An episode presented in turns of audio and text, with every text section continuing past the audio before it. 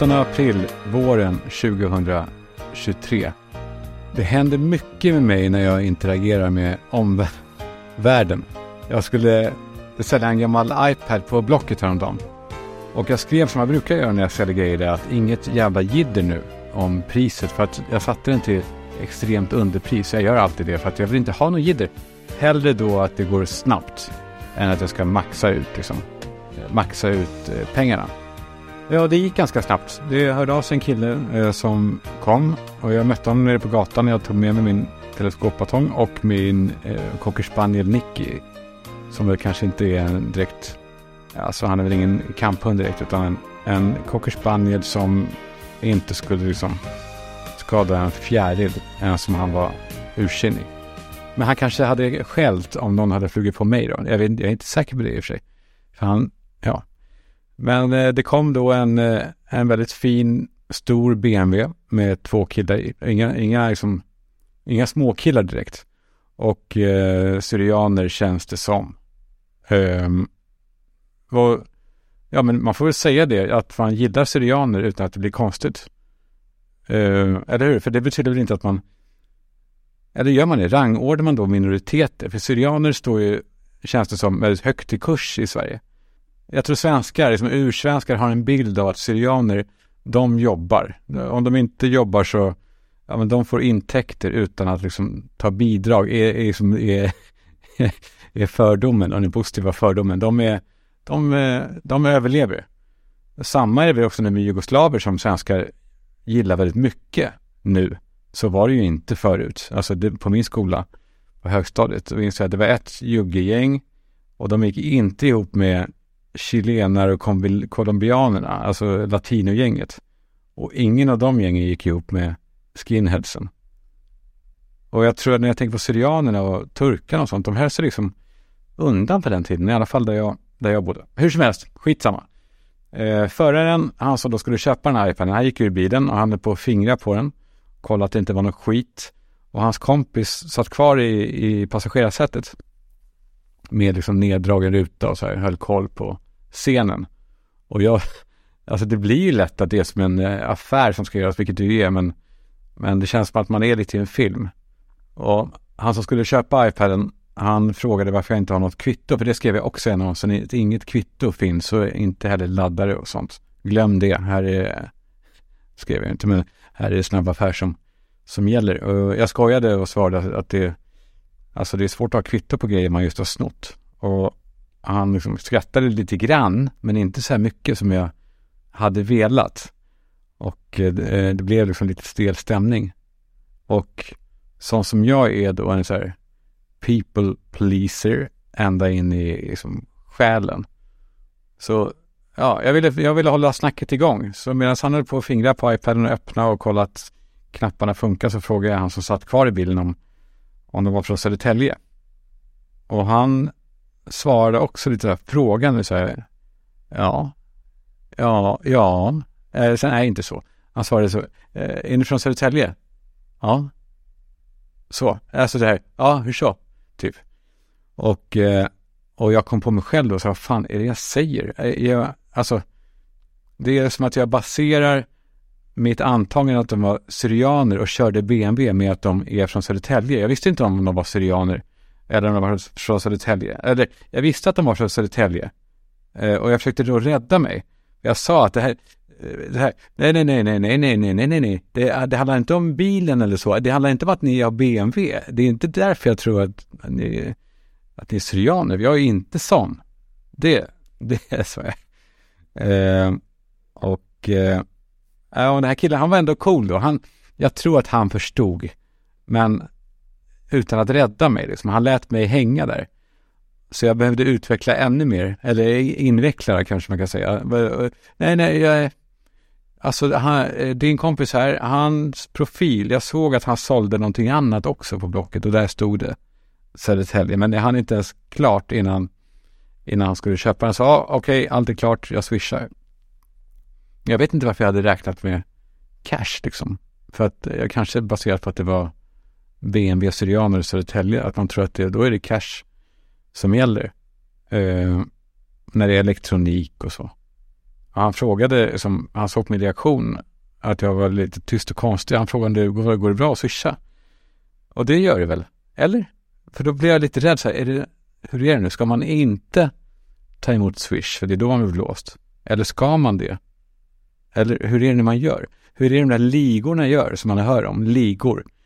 De gör ju, de gör ju grejer, de lurar en.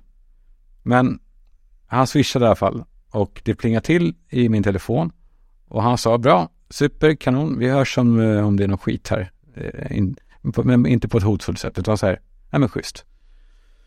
Alltså drog han igen dörren vänta, jag sa vänta, eh, jag ska bara, vänta nu här för jag kände mig liksom inte trygg alls. Eh, och han frågade vad, vad är det? Nej, men jag, och jag kunde inte säga att jag ska kontrollera att de inte har blåst mig. Så jag sa att jag skulle liksom ta bort annonsen från, från Blocket och när de är med. Av, jag vet inte, jag hittar på det som att det, man gör så. Alltså det är, jag ska bara ta bort annonsen, vänta, jag ska bara, vänta, kolla här bara. Men jag skulle då gå in på mitt konto. Alltså inte bara Swish-kontot och se, för jag tänkte de kanske har lurat mig då. Hur lurar de mig då? Ja, eh, jag ville liksom dubbel, dubbelkolla att jag inte blivit lurad. Så när ibland, ja, nu är det inte så mycket, så mycket bankomater längre, men jag minns när man skulle ta ut pengar och det var någon farbror innan som tog ut och eh, pengarna kom och kvittot kom och då stod vissa kvar och bara, vänta, ska vi bara låta det här lugna ner sig här så att det inte börjar spruta pengar från hans konto på mitt, till, i mina händer liksom, jag som kommer efter. De ville bara se till att allting svalnade. Eh, så överdrivet försiktiga. Och eh, eh, ja, jag loggar in på bankappen och jag ser att pengarna var där. Och ja, det kändes ju bra. Men ändå inte helt bra. Jag var tvungen att släppa iväg de här killarna nu. Men det var någonting som gnagde kvar i mig. Så jag, okej, okay, ja, ha det bra grabbar. Man försöker också vara lite så här, eh, man försöker snacka som dem på något sätt. Jag vet inte, eh, det, ja, people pleaser, Kalle. Ja, ha det bra grabbar. Eh, så och så åkte de iväg med en rivstart i den här feta BMWn. Och jag kände att de blåste mig Kanske. Men hur? Hur blåst? Hur lurade de mig då? Ja, samma sak kan man undra om bokadirekt.se. För det är för bra för att vara sant. Man undrar, hur lurade de oss? Hur? Nej, hörni, för att vara lite allvarlig. Vi går just de här dagarna på året igenom de fulaste på hela året. Det vet ni väl kanske? Eh, vi har då alltså solen som är nu, den är ljus nu. Den är riktigt ljus och den träffar våra vinterexemiga ansikten och liksom skiner igenom huden och tydliggör den här gröna undertonen som man har efter en lång jävla vinter. Eh, dessutom så är den uppe länge så vi är ute liksom och, och lapar den här solen och vi tar av kläderna och visar ännu mer hud och vi är, vi är förjävliga. Vi känner oss fina, vilket ju är bra, men vi är inte fina. Det här i kombination med att det var länge sedan vi fixade oss. Fast nu var det nog några månader sedan inför nyår som man gjorde en ordentlig fix. Man trimmade sig och masserade sig och klippte sig och fixade hudvård. Allt är nu överväxt och det är dags att fixa det här. Och eh, jag menar inte att utseendet är det viktigaste. Och det sägs ju också att, att skönhet kommer inifrån. Men eh, då säger Boka Direkt nu i en enorm kampanj på stan att varför chansa? Jag skulle också vilja lägga till en grej som jag inte riktigt vet om Boka Direkt skriver under på, i alla fall inte kanske externt i kommunikationen. Men min tes är att också fulhet kommer inifrån. Så om du är en av alla dem som har ett fult inre med konstiga tankar och missundsamhet och skit, så se till att det yttre är fixat. Och var ser man till att det yttre är fixat? Jo, på bokadirekt.se Bokadirekt.se, inte bokasen.se. Tack, tack. Tack, tack.se. Eh, tack också Vid. Jag är så väldigt, väldigt glad att Vid sponsrar extra. Vid nikotinpåsar, eh, marknadsledande på det coola i branschen. Jag har jobbat med reklam väldigt länge. Och jag har ofta haft kunder som liksom behöver få sin gris sminkad. Alltså där hela kommunikationen går ut på att ljuga till sig nya användare för att verkligheten är inte bra nog. Så vi måste bättra på den. Vi sminkar grisjäveln så den blir fin. Med vid är det liksom tvärtom. För de som vet, de vet. Och de som inte vet, ja, de kommer. Om de vill veta. hur det känns att få så man inte kan... För så är det när man har en vid i fickan. Man får hur mycket man vill. Tack vid. Och tack Söderberg och Partners. Eh, när vi en dag har lekt färdigt här ute, när vi har stångats klart och vill sätta oss under den här korkeken, då är vi säkrade tack vare er. För de där åren som pensionär vi har framför oss, de kommer bli många. Och det vill jag verkligen säga att när vi väl är där, då är det för sent att ändra kurs. Så gör det nu om du inte redan har gjort det. Ja, ah, tänk ändå. Man, mm, Okej, okay, vi gör så här, vi kommer in i det. Tänk er att vi är pensionärer ihop, ni och jag. Ser ni det framför er? Vi har liksom grått hår och vi sköter vår träning och vi äter bra och skrattar med våra vänner och spelar tennis kanske. Vi bor i Spanien kanske och vi unnar oss. Vi lever gött. Ekonomin, det är det sista problemet. Och vet ni varför? Jo, för att vi hörde Kalle fucking Schulman. Han nämnde Söderberg Partners i sin podd 2023. Och vi gjorde som han sa. Och vi älskar honom för det. Och vi älskar Söderberg Partners. Och vi skänker en tanke till de som inte gjorde som han sa, utan, utan de som är kvar där. Är det gråa som inte... Nej, hörni. Bli inte en av dem som blev kvar. Bli en av oss sen när vi är gamla. Hör av er till experterna på Söderberg Partners och låt dem ta hand om bryderierna. Så kan vi sova gott på natten och bli feta och rika och glada som pensionärer. Tack Söderberg Partners!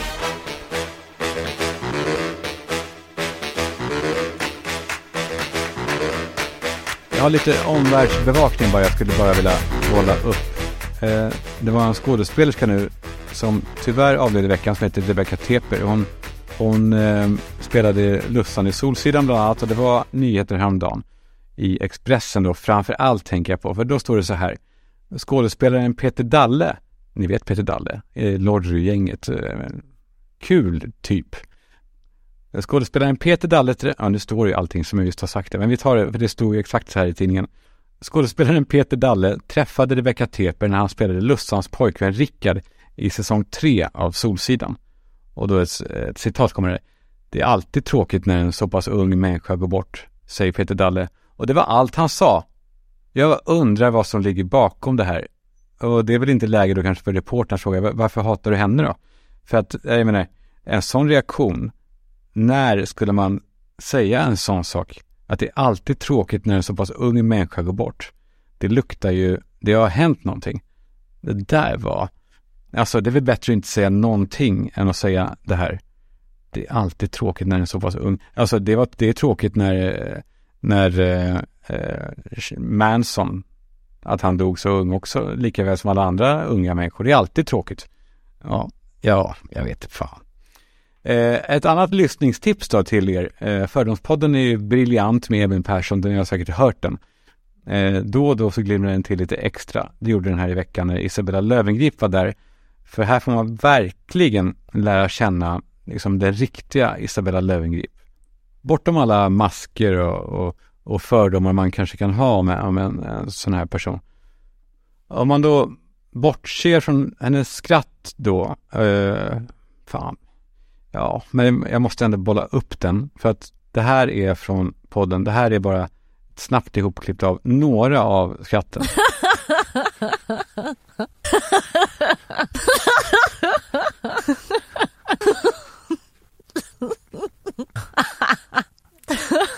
Ja.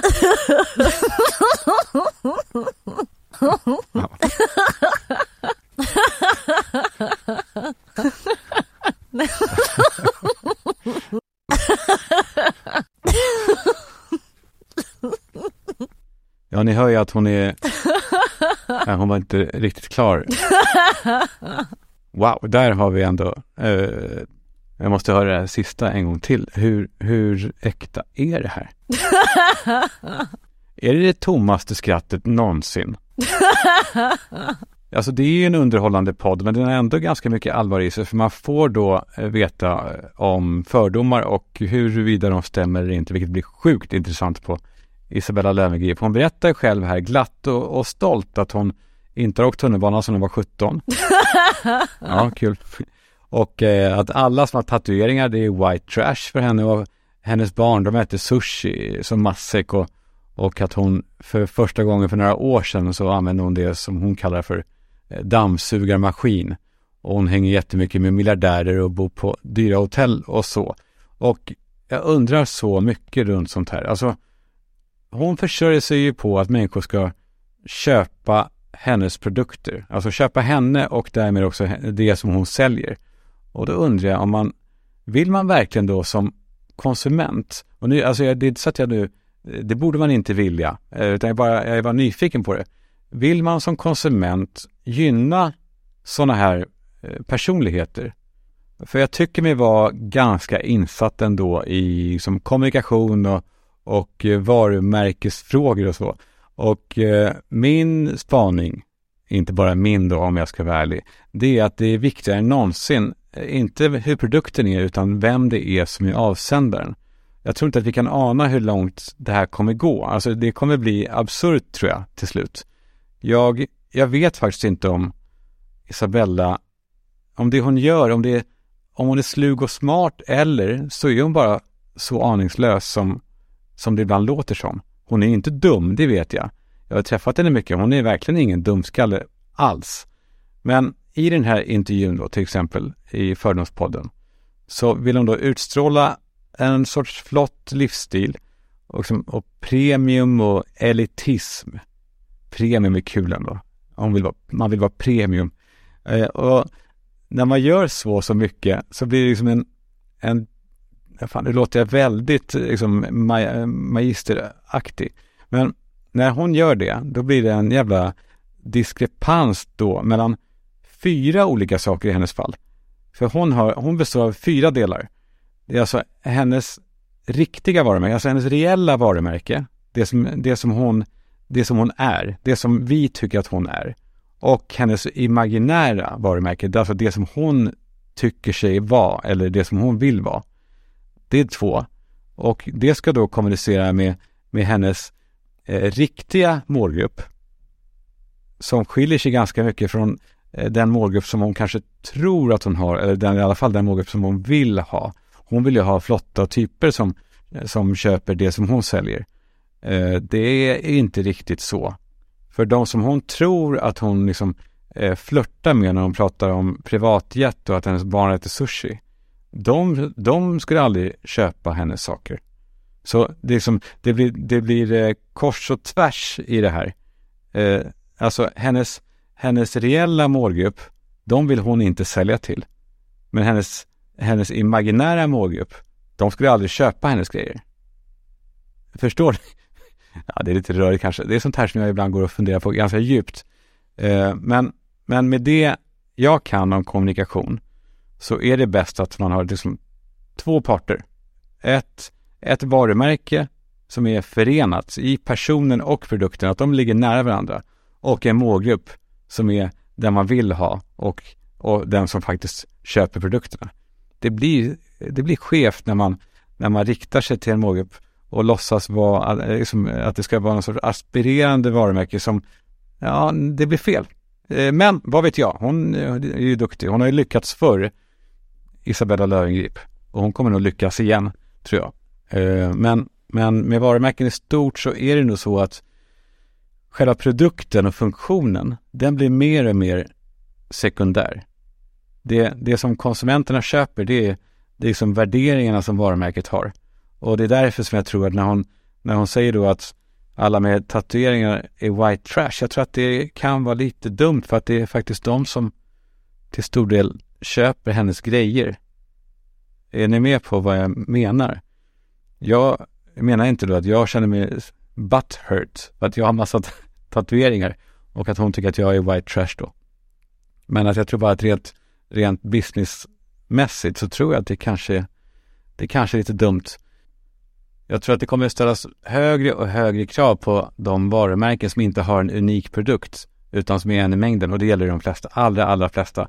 Alltså att ett schampo är ett, typ ett schampo, vem fan som än har gjort det. Därför blir det extra viktigt vem som har gjort det här schampot som är, fungerar likadant som alla andra. Men vilka värderingar har producenten av just det här? Vem grundade det här? är den här grund, är det ägaren är djurvän? Eh, det kan ju vara ett, det kan ju vara ett argument liksom för att man ska köpa just det schampo som funkar lika bra som alla andra. Eller nej, den här, hon, den här ägaren, eh, entreprenören, hon är jätteemot ätstörningar. Det, det ska jag ha. Det är mitt statement. För då är jag också det. Eller den här entreprenören är entreprenör. Eh, hon är bolagsbyggare. Det står jag bakom. Det vill jag gynna. Eller eh, ge pengar till Rädda Barnen. Det, det tycker jag är ett bra schampo. Eh, det är intressant att tänka på det så. Jag tror att man, att man ska göra det mer och mer. Alltså, det spelar mindre och mindre roll hur bra själva produkten är. Det räcker med att den är godkänd. Det riktiga jobbet, det ligger i att lägga varumärket där man vill ha det. Eller fel. Det gäller att placera varumärket där kunderna vill ha det. Eller, ja, man måste ingenting. Det blir ju så. För syftet är ju att tjäna pengar, inte att göra världen bättre. Det är det inte. Vad de än säger så är det inte bättre. Alla som tar fram en ny produkt, de... Eh, jag vill att de ska veta att vi vet att världen vore bättre utan den produkten om det nu inte är någonting som är aktivt bra för miljön. Men det allra, allra, allra mesta är ju en belastning för miljön. Så vad de än säger att ja men den här eh, förpackningen är gjord av spillolja från Sudan. Ja men världen hade varit bättre utan den här förpackningen också. Eh, så vi ska inte gå på de här miljöclaimsen som blir vanligare och vanligare att den här är bra för miljön. Man kan inte säga att det är bra för miljön. Allt är dåligt för miljön. Det är det är det enda vi kan vara helt säkra på. Och jag tänker så mycket på entreprenörer. Det här ordet är ju komplicerat alltså. Och jag, ser dem hela dagarna och jag hör dem ännu mer. Och jag ska vara helt öppen med att min avund bränner i bröstet för jag vill också ha någonting att, att brinna för som de har. Men så tycker jag liksom att jag anar mer och mer att de faktiskt inte brinner för någonting. De säger de där orden om och om igen och, om att de ska resa kapital. Re, vadå resa kapital? Vad, varför, vad är det för ord? Resa kapital. Ja, pre-seeding. Och så att de ska göra exit. Att de ska göra exit. Och att de pratar om det också innan bolaget ens finns. Så pratar de om att göra exit. Det är som att vara pollen ska göra, jag ska göra exit. alltså, så det, det, det, handlar om att de, de gör det här för att bygga bolag och inte för att liksom göra, lösa några problem. Man ska inte bygga sig några myter om att det, är, att det är bra människor. Tvärtom, tror jag. För det finns en aura runt sådana här entreprenörer att de beskrivs som oh, hjältar och med visionärer och de är med i det Weekend och hur gick det till? Wow, wow, vad äter du till frukost? De är liksom rockstjärnor. När det enda de faktiskt gör, det är att de tänker på sig själva. Och, ja fan, men man låter ju bitter nu. Men låt oss låta bittra då, för, för det vi ska veta, det är att för att lyckas starta och bygga och, liksom, och driva ett bolag som går bra, då måste man vara störd. Och då menar jag inte störd som är att, vara lite, att man är lite, lite knäpp, lite gullig, lite, lite weird, utan eh, alltså att man är störd på ett läskigt sätt. Man är ett riktigt as som gör vad som helst för att komma framåt. Som kör över vem fan som helst och tänker bara på sig själv. Det, det förenar alla de här stora, eh, de här stora entreprenörerna. 100 procent. De är, de är svin. Det måste vi det måste vi veta. Och för jag tror att väldigt många av oss andra också, vi skulle kunna bli framgångsrika entreprenörer. Jag, jag, tror, jag tror verkligen att det ligger inom räckhåll för, för rätt många. Givet då att, givet då, fan jag sa det, givet. Vi sa väl det här va, att vi inte ska säga det. Givet att, så här då. Eh, eftersom produkten är ganska oviktig, i alla fall att den ska vara så otroligt bra, men produkten är ganska oviktig. Den viktigaste egenskapen då, det är att vara en hänsynslös, riktig jävla fitta. Faktiskt. Och det är de flesta av oss inte. Det är därför vi inte gör det. För att bli riktigt rik så måste man vara ett as. Och det är därför de här idolporträtten i Breakit och The Weekend av de här framgångsrika entreprenörerna, de lämnar liksom en, en dubbelsmak i munnen. Umami lämnar de. Man vill ha det de har, men man vill inte göra det de gör. Jag är helt säker på att om en någorlunda begåvad person har en någorlunda affärsidé och lägger all empati åt sidan så är succén ett faktum. Det är, det är det som gör det. Jag vill verkligen bli svinrik. Men jag har nog inte heller vad som krävs för att vara så liksom, egocentrerad som man måste vara. Så nyckeln tror jag för mig och många andra det är att hitta en person som drivs av pengar och liksom affären, men inte har det som jag har då, vad, är, vad det nu kan vara. Nej men säg, ja, ja men, eh, som är kreativ och som jag är. Har man en sån duo, då tror jag att man kan kanske hitta en framgång som inte är elak och jävlig. För det är det här som gör att vi gnetar på här i livet, vi andra då. Vi vi kämpar på. Vi gör det vi ska och vi gör det väl rätt bra. Men liksom det exploderar inte. Det, ska, det måste egentligen till någonting då, om man inte är helt nöjd. Vi har ju varit lite öppen va, här i podden med att jag har rotat lite grann i mig själv de senaste månaderna. Och jag ska inte liksom tråka ut det med, med att hålla på och prata om att jag ska, jag har det och det och jag jag har en diagnoser, den och den. Men det hände en sak under den här liksom, tiden som, som var riktigt tuff, som jag tänkte, som kändes alldeles för sig. Jag vet inte fan. Jag ville inte prata om den först, eller jag ville typ inte prata med någon om det. Men nu är jag förbannad. Nu vill jag, jag vet inte vad jag vill heller. Jag vill bara, jag vill bara säga till någon, så här ska det inte vara. Um, så, ja men jag kan berätta, jag berättar helt och hållet. Så här var det. Min läkare som jag gick till, eh, hon sa att jag behövde mäta mina värden eh, i blod och urin. Och då måste man då gå någon annanstans. Jag fick då en, en remiss till en sån där laboratorie. Och hon sa så här, det är drop-in så du kan gå eh, när du vill.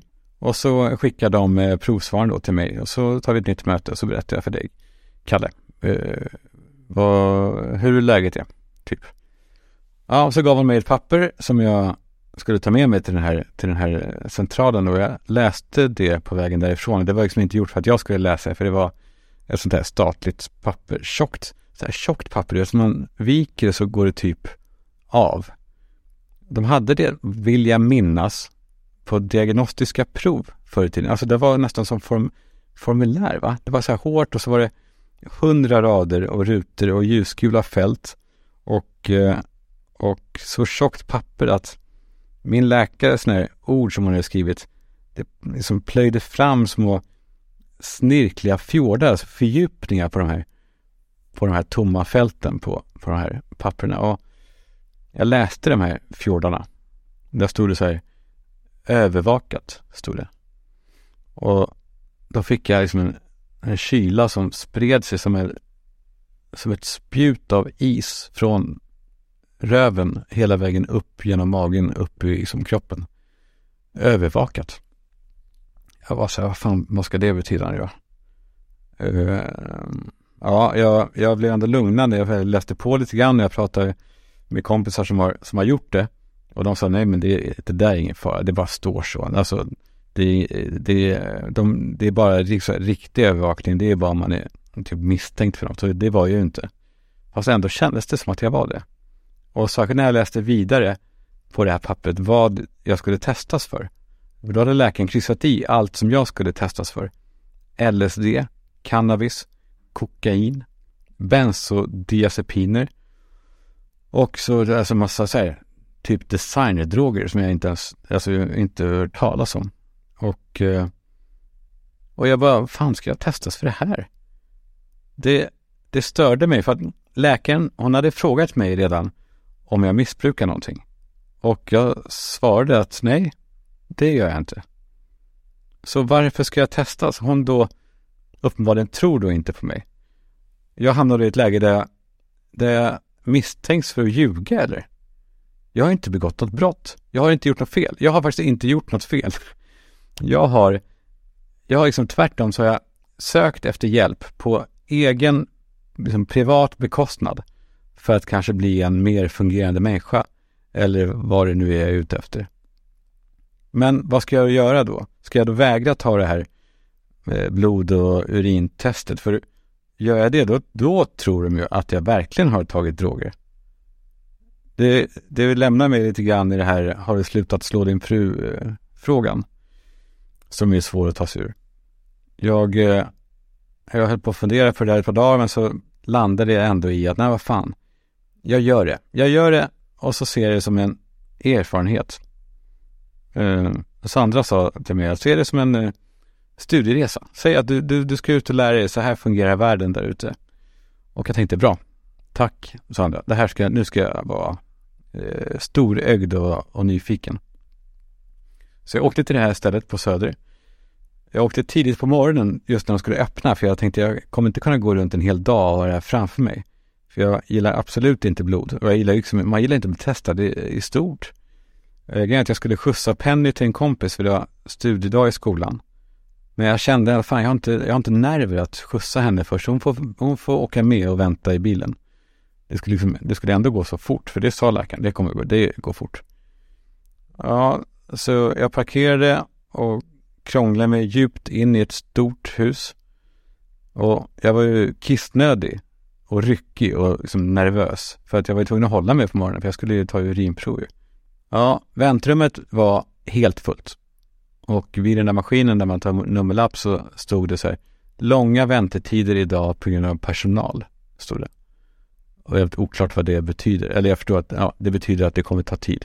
Eh, och det betyder att min stress, för att jag har min dotter i bilen som väntar på mig under tiden som jag ska testas för en massa droger var, ja det skulle bli jobbigt. Så jag messade Penny att hon, eh, ja det här kommer ta en stund. Jag kan swisha så kan du gå på, på något café typ. Men hon sa det är ingen fara. Det är, ja, det är ingen stress pappa. Typ. Det här väntrummet var också helt fullt så jag fick stå då utanför. Och jag hade en jävla trist känsla i kroppen. Alltså, jag tittade på de andra i väntrummet och det var ju inte, alltså, ja, det var inget kul gäng alls. De var ju inte där frivilligt. Och jag menar inte då låta som Isabella att tro att jag är bättre än någon. Verkligen inte. Men eh, äh, jag ska inte gräva ner mig i det där. En sköterska ropade på mig där jag stod där utanför tvärs över. Ska du testa det? Ja, fy fan. Eh, ska du testa? Du får inte stå där ute, sa hon. Så jag fick gå in då i väntrummet här som var fullt. Och alla stolar stod ju längs alla väggar. Så jag fick stå eh, mitt i rummet, eller så inte mitt i, jag stod ändå, jag ville inte stå för nära framför någon heller, så jag var tvungen att ta ett par steg in, så jag stod då i mitten, nästan. Det var som på diskot i mellanstadiet när en ska dansa i mitten, fast det var, fast precis jävla tvärtom kan man säga, känslomässigt. Eh, ja, jag fick i alla fall en stol då efter en liten stund, men hade liksom inte nerver för någonting annat än att spela Subway Surfer, kissnödig så in i helvete. Men så till slut så de ropade in mig och kärringen var inte direkt pratsam. Eh, jag kan förstå det. Hon, det här är hennes jobb. Hon bara gör det här oavbrutet hela dagarna. Jag förstår att hon inte eh, direkt var en värdinna. Men jag sa hej och ville vara trevlig och hon, och hon sa bara hej. Och jag tänkte ändå, trots att hon liksom, det här är hennes jobb och hon är trött på det. Och hon hatar det kanske att hålla på med kanyler och skit hela dagarna så måste hon ändå sätta sig in hos mig som då patient eller vad man ska säga. Att jag kanske är lite nervös och så. Hon var, hon var, nej det var, hon var kort i tonen. Men jag tyckte hon borde ha hjälpt mig. Hon borde, hon borde ha försökt få mig att slappna av lite grann. Jag är ändå människa. Hon tog den här lappen från mina händer och läste på den. Ja, övervakad provtagning. Ja, ja då sitter du först här. Uh, ja, så satte jag mig där precis bredvid henne och jag frågade henne om kanske, vi kanske kan göra det här kisseriet först då, för att jag är väldigt kissnödig, men, men eh, det sa hon nej till.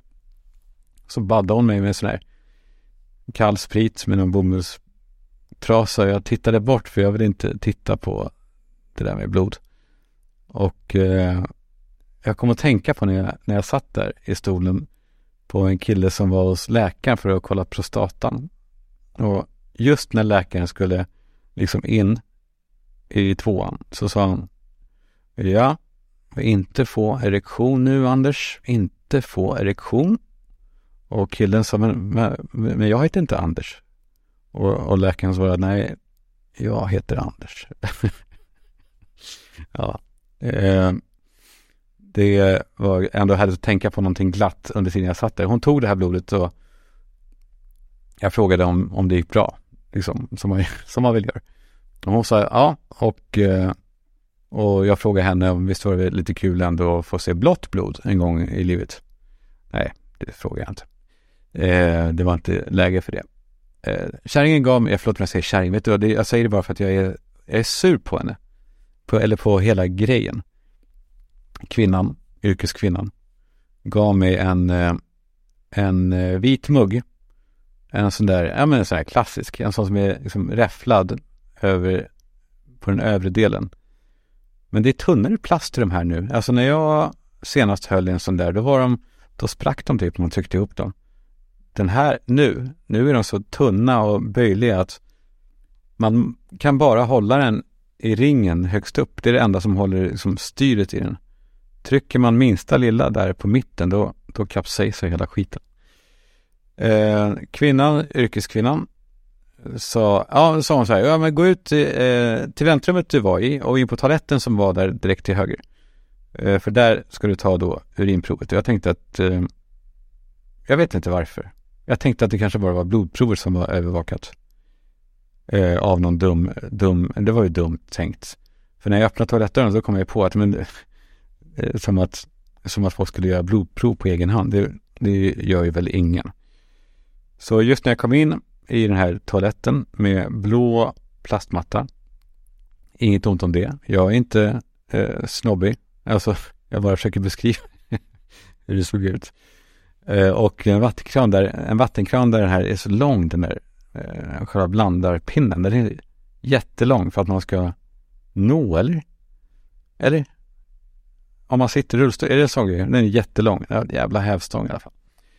Det har, den har ingenting med det här att göra. När jag kom in så öppnades en, en, en lucka, eller lucka, det var inte, eller dörr mer typ. Eller dörr. Så här mellan, mellanting mellan lucka och dörr öppnades precis liksom bredvid mig, bredvid toaletten. Och eh, ja, hej, sa jag, som på reflex till den här kvinnan då, som stod i den här luckan. Eh, och eh, hon eh, instruerade mig, alltså nu okej, okay, nu tar du muggen och ställer på toalettstolen. Och din tröja, den ska du dra upp till armhålorna och dina byxor ska ner till skorna. Och sen kissar du i muggen. Och eh, fan, det var, jag kände att det här var fan brutalt. Och jag tittade ner på golvet som inte var kul alltså att se. För det här, den här toaletten används ju till sånt här hela dagarna. Och det drälls. Och jag vill inte ha mina byxor där nere vid golvet. Så jag drog ner dem till knävecken och drog upp tröjan. Och eh, han liksom inte ens titta på henne om det var godkänt innan och sa att, att nej, byxorna ska ner till, till golvet, sa hon. Eller hon sa till golvet. Byxorna ska ner till anklarna. Jaha. Okej, okay, så gjorde, gjorde jag det.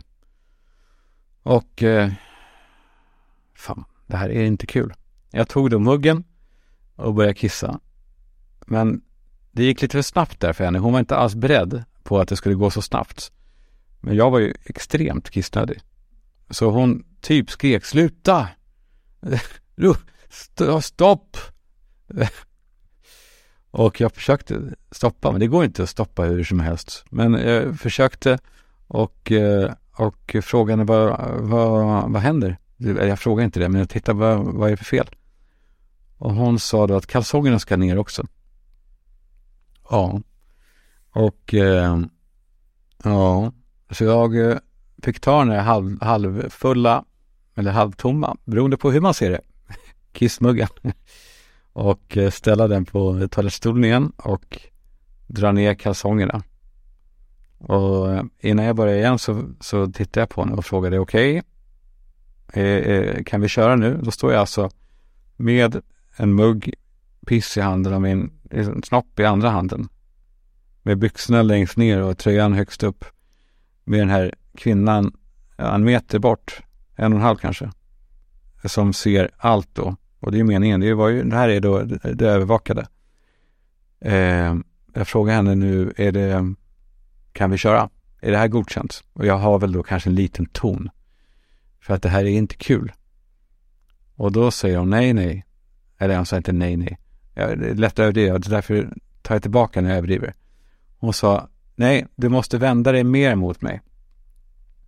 Och jag vågar liksom inte bli arg, men jag var jävligt nära min, min gräns här nu. Så sa hon åt mig att ta ett steg liksom åt sidan för att kissa liksom snett över toalettstolen, inte rakt framifrån. För, för så här sa hon, jag måste se var det kommer ifrån. Sa hon. Alltså hon vill alltså se själva strecket. Eller vad man har. Hon ville se hålet. Um, ja, men det var ju bara att köra. Liksom. Jag, eh, det var, ja, jag kissade vidare. Um, så att det blev så mycket som behövdes, kanske lite, lite väl mycket. Då. Och jag frågade henne om det räcker och hon sa ja, det räcker. Och så sa hon att nu kommer du hit med muggen och ställer den här på hennes lilla fönsterbräde typ som hon hade där. Och eh, ja, jag tog då de här stegen dit, men byxorna var ju där nere och jag stod med den här i handen, muggen. Så jag gick som en pingvin dit. Sakta gick det med korta steg. Och jag ville inte skvalpa ut något heller. Uh, men jag kom fram till slut och, och, och, ställde muggen där och började då dra igen luckan. Men hon puttade upp den igen och sa att jag måste titta på henne. Och jag sa, det, men det går inte. För att jag måste kissa, kissa klart. Jag har hållit mig hela morgonen och, och, det här går inte mer. Jag måste få kissa färdigt. Men hon sa att jag måste titta när hon, när hon häller mitt piss. Jag frågade varför och hon säger att det är för min skull. För att jag ska vara säker på att allt går rätt till. Och jag sa, jag litar på er. Men det hörde hon inte. Hon bara hällde och liksom i profil, ja, precis framför mig. Med samma tydlighet som jag nyss hade stått framför henne och kissat i den här muggen så står hon nu framför mig och häller mitt piss i små, i små rör. Och det är motljus och jag minns att det glimmar om det här pisset som bärnsten, eller bärnsten är mörkt. Jag hade ganska, ja men det var, eh, det var inte helt ljust, inte helt mörkt heller. Men eh, det var kissfärgat då. Och eh, jag hörde ljudet av eh, ett rör som blev fullt av vätska. Ja, fan. Och jag frågade, är det klart nu? Är det klart nu? Jag hade fått nog ändå. Och ja, det var klart. Och sen minns jag faktiskt inte resten. För jag, ja, jag kissade klart. Och jag rusade därifrån utan att ta på mig jackan liksom. Eh, jag bara, jag bara drog. Jag gick tillbaka till bilen. Som en helt ny människa. Alltså inte på ett bra sätt då. En helt ny, dålig människa. En misstrodd människa. Som liksom måste, känns det som nu, börja allt med att förklara att man är oskyldig. Att, att man är misstänkt för någonting från början. Och Penny frågade hur det gick när jag kom in i bilen och jag sa att det gick jättebra. Det, var, det gick bra, det var bra. Ja, nu åker vi. Men jag har tänkt på det här varje dag sedan dess. Och jag kanske är känslig. Överkänslig, jag vet inte. Men det var någonting som, jag ska inte säga gick sönder i mig den dagen, men något som då i alla fall fick en jävla törn då. Men Ja, jag blev ju kallad tillbaka till läkaren som då har fått tillbaka de här proven som jag hade tagit på kiss och blod. Och eh, jag var jättenervös på något sätt. Jag vet inte, jag var, jätte, jag var misstänkt och var så här, hoppades på det bästa typ. Men hon sa ju såklart att allt såg bra ut för att jag har ju inte gjort något. Och jag bara ah, andades ut liksom. Jag visste ju att jag inte tagit några jävla droger. Och ändå kände jag mig lättad. Det kändes som att jag hade lurat systemet. Fast jag fattar nu att nej men systemet har lurat mig på något sätt. Men nu lurar... Nej, fan, jag försöker bara skratta bort det nu. Det är... Det där var inte kul alltså. Jag undrar, är det rimligt att det är så? Varför ska jag bli... Varför ska jag hävda min oskuld och liksom bevisa min oskuld när jag inte ens är anklagad för någonting?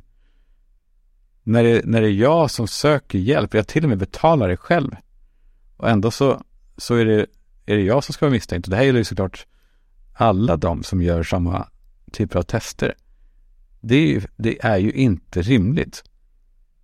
Att bli behandlad som en, som en eh, missbrukare eller narkoman. Fast man inte är det. Och om man nu är det, är inte det i så fall ett tecken på att man behöver ännu mer hjälp och, och värdig behandling än att bli än att bli behandlad så här så här jävligt. Ja, jag vet fan. Men eh, intressant ändå. Så hör gärna av er om, om ni har erfarenheter av det här. Om ni tycker att det är rimligt. Eller om det är jag som är överkänslig. Det kanske, det kanske verkligen är så. Jag har en digital bromance med en person på Instagram som heter Sorbas Newton. Han heter egentligen någonting annat men han går under namnet Sorbas Newton på, på Instagram. Han är otroligt rolig och pricksäker och hittar de här små, små detaljerna som man önskar att man själv hade sett och, och eh, bollat upp till allmän beskådan. Eh, jag tänker mig att ni ska ju för det första följa honom, Sorbas Newton. Jag tror att om ni gillar mig, då gillar ni honom. Och jag ska inte vara sån och skryta och säga att jag vet saker och kan se in i framtiden. Men jag har ofta en bra känsla för vilka som kommer slå igenom, vilka som kommer lyckas eh, här i livet. Jag tror att Sorbas Newton, han är en av dem som, som, ja fan, ni kommer att veta, fan, vi var med tidigt. Vi var med tidigt eh, i hans karriär. Ehm, vi ska kolla om vi har någon med på tråden. Sorbas Newton, är du där? God dag. God dag, god dag. Kul att snacka. Jag tänkte bara fråga lite snabbt. Vad, vad tänker du på just nu? Ja, det jag brukar göra. Nu satt jag och kokade över någon Martin Melin var arg på oppositionen för att de gnällde. Det eldade jag upp mig över här på min kammare i Aspudden. Han, han förstår inte riktigt idén med opposition. Det tyckte jag var lite roligt. Eh, det är som att han fortfarande går på lekis och liksom får praoa i riksdagen. Det, det, det finns någonting gulligt i det. Ja, du menar så här att, ja just det, ja, de, de är bara emot allt vi vill hela tiden. Vad är det mer om? Det var precis så han argumenterade. Alltså, ja, de bara hänger upp sig på små saker. Jo, det är lite det som är ditt jobb, att liksom fäkta bort de där små sakerna. Så det, ja, det retade jag upp mig på ordentligt mest jag har suttit här och kollat, alltså, alltså jag sitter och kollar på så här skådisar på sociala medier och problemet är att de här människorna, det är ett kretslopp. Så går man in på en dåre och så läser man någonting där och då ser man att någon annan dåre har kommenterat och då sitter du fast i loopen liksom till slut. Ja, okej, okay, bra. Jag fattar precis. Alltså, jag tycker i grunden så är det svårt med skådespelare, för de pajar ju hela jävla, hela grejen med skådespelare. De ska ju inte synas överhuvudtaget väl egentligen bortom filmen. Nej, och det finns ju några, alltså kommer du ihåg när Persbrandt, det var ju snack om att han gjorde tatueringar, att så här, oj, oj, det kan man inte göra, för då brännmärker man sin kropp. Just det. Men det går ju i alla fall att sminka bort. Alltså, jag tror Persbrandt har väl gjort det väldigt bra som inte alls syns i sociala medier. Ja, någon gång kanske han gör reklam för någon kompis bok, men annars... Ditt jobb är ju att vara en... Eh, en canvas. canvas. Va? Otroligt. Du, du följer några stycken som du kanske, eller följer, följer du, eh, du går in ibland på de som kanske inte eh, då älskar. Vilka skådespelare pratar du om? Eva Röse vet jag är väldigt eh, närvarande. Ja, hon är väldigt närvarande. Jag satt faktiskt precis innan, nu låter det som vi har snackat om det här, men det har vi inte. Jag satt och skrattade åt, hon, hon satt på något café, alltså det är väldigt mycket att de ska ta bilder på att hon jobbar. Och det gör ju vanligtvis inte människor som jobbar. Eh, ja, men då, då la hon upp en bild, hon tog en bild på sin Macbook. Jag, jag sitter här nu och försöker titta vad dokumenten heter också. Utkast till text av Eva Röse, ja, Maria Wern. Det, det är kul att eh, det där har hon organiserat. Men då, då har hon alltså lagt en text över sin bildskärm. Där hon har skrivit det var en gång en flicka som blev kvinna, som blev mamma, som blev flicka igen och bara ville klättra i träd och cykla i grus och elda i skogen och tälja pilar och jaga knytt. Slut, punkt. Låt stå, punkt. Vad betyder det? Men alltså, det hade hon lagt in i Instagram-grejen? Alltså som en... Ja, hon har alltså tagit en bild på sin skärm där hon sitter och jobbar på någon dator. Jobbar, hon skriver en ny Maria Wern-film. Som hon för övrigt nyligen skrev också, att det var liksom i rikets tjänst att leverera en ny Maria Wern. Det var väldigt skojigt. Ja, men alltså så här, de vill ju vara någonting mer än eh, clowner som dansar på tiljorna. Man ska inte tatuera sig. Och så liksom eh, målar man ner hela kroppen, eller man brännmärker sig egentligen med eh, med åsikter. Alltså du sitter ju också och irriterar på de här människorna nu. Jag såg att Jerka Johansson var väldigt arg igår på Bayern. Visste att man ska få lägga upp vilket lag man är på, men då blir jag som djurgårdare, då blir jag förbannad direkt. Och så tänker jag, den där jävla Bayern. Det är väl en, eh, en ganska mild eh, form av det, men jag kan ju inte tänka mig till exempel, jag kan ju inte se Stefan Sauk längre efter att han är en dåre. Och jag kan ju inte tänka mig att de här liksom högermänniskorna i, ute på landet i Sverige tycker det är jättekul att se Eva Röse när hon uttalar sig. Så det är väl egentligen, jag fattar inte riktigt, alltså det kanske var bättre förr när man stängde in dårar och eh, skådespelare på institutioner. Som Dramaten till exempel. Ja, Dramaten. Då kunde de hålla på med vilket skit som helst där inne. Och sen så liksom, det nådde ju inte dig som, eh, alltså som vanlig Svensson blev du inte nådd av vilka dårar de här människorna var. Om folk hade vetat vad Lennart Hyland gjorde där tillsammans med din far, då hade de ju, alltså då hade ju aldrig Hyland blivit så hyllad som han blev. Precis, och det gäller också då, alltså Lisa Nilsson, där har vi en gemensam eh, lägereld ibland som vi, det räcker då inte för henne med att sjunga om eh, himlen runt hörnet. Himlen runt hörnet, nej hon vill vara en väldigt medveten person som liksom berättar om hur landet ligger. Men problemet är ju att så här, många av de här människorna, nu vet jag inte hur det ser ut i Lisa Nilssons fall, men många av dem, alltså efter att de slutade, ja, de kanske gick Södra Latins teaterlinje, och sen dess har de ju bara jobbat på de här institutionerna. De är ju som elitidrottare. De är lika institutionaliserade, så när de liksom så här, nu börjar försöka sprida sina vingar, då är de ju, det är ju gymnasiefilosofer vi har att göra med jag kommer ihåg, det var något snack om att Peter Sellers, den gamla skådisen, att han inte ens visste vem han var för att han bara satte på sig olika masker. Och det är väl det att så här, man har en ny personlighet varje dag, ja, och då är det det man jobbar med. Framförallt så är det ju att man tar väldigt enkla strider eftersom och saker som inte strider alls egentligen. Då slipper man tänka. Alltså det är ju precis som i gymnasiet, man är emot krig, typ man vill ha fred i Ukraina, människors lika värde, glass är gott. Alltså det är ju något som en tolvåring skulle kunna tänka sig. Alltså det, det, finns ju liksom ingen motsättning i det. Och så om du då skulle gå in och eh, säga åt Morgan Alling eller Lisa Nilsson att så här, det här betyder ingenting, då blir det ju du som är den dummisen. Morgan Alling är också, han är väl för eh, världsfred väl, vad jag förstår? Ja, han hade mycket tankar om det där med att Putin, hur kan man göra så här? Alltså så här, det, det går ju inte djupare än att hur kan man göra så här? Eh, vad fan, vi kanske ska ses nästa vecka. Det kanske blir ännu roligare. Det tycker jag absolut. Eh, tack Sorvas. Tack själv. Och tack alla ni som är med mig på den här eh, ensamresan. Det är inte en ensamresa. Fan, vi, vi är en fregatt. Ni och jag, vi eh, styr extra skeppet fram åt varje vecka. Jag eh, ska inte tjata. Men ni vet, ni vet vad jag vill säga. Jag älskar er och, eh, och hör av er och fortsätt eh, bidra. Det är väldigt givande. Tack för att ni är med. Tack alla sponsorer för att ni gör det möjligt.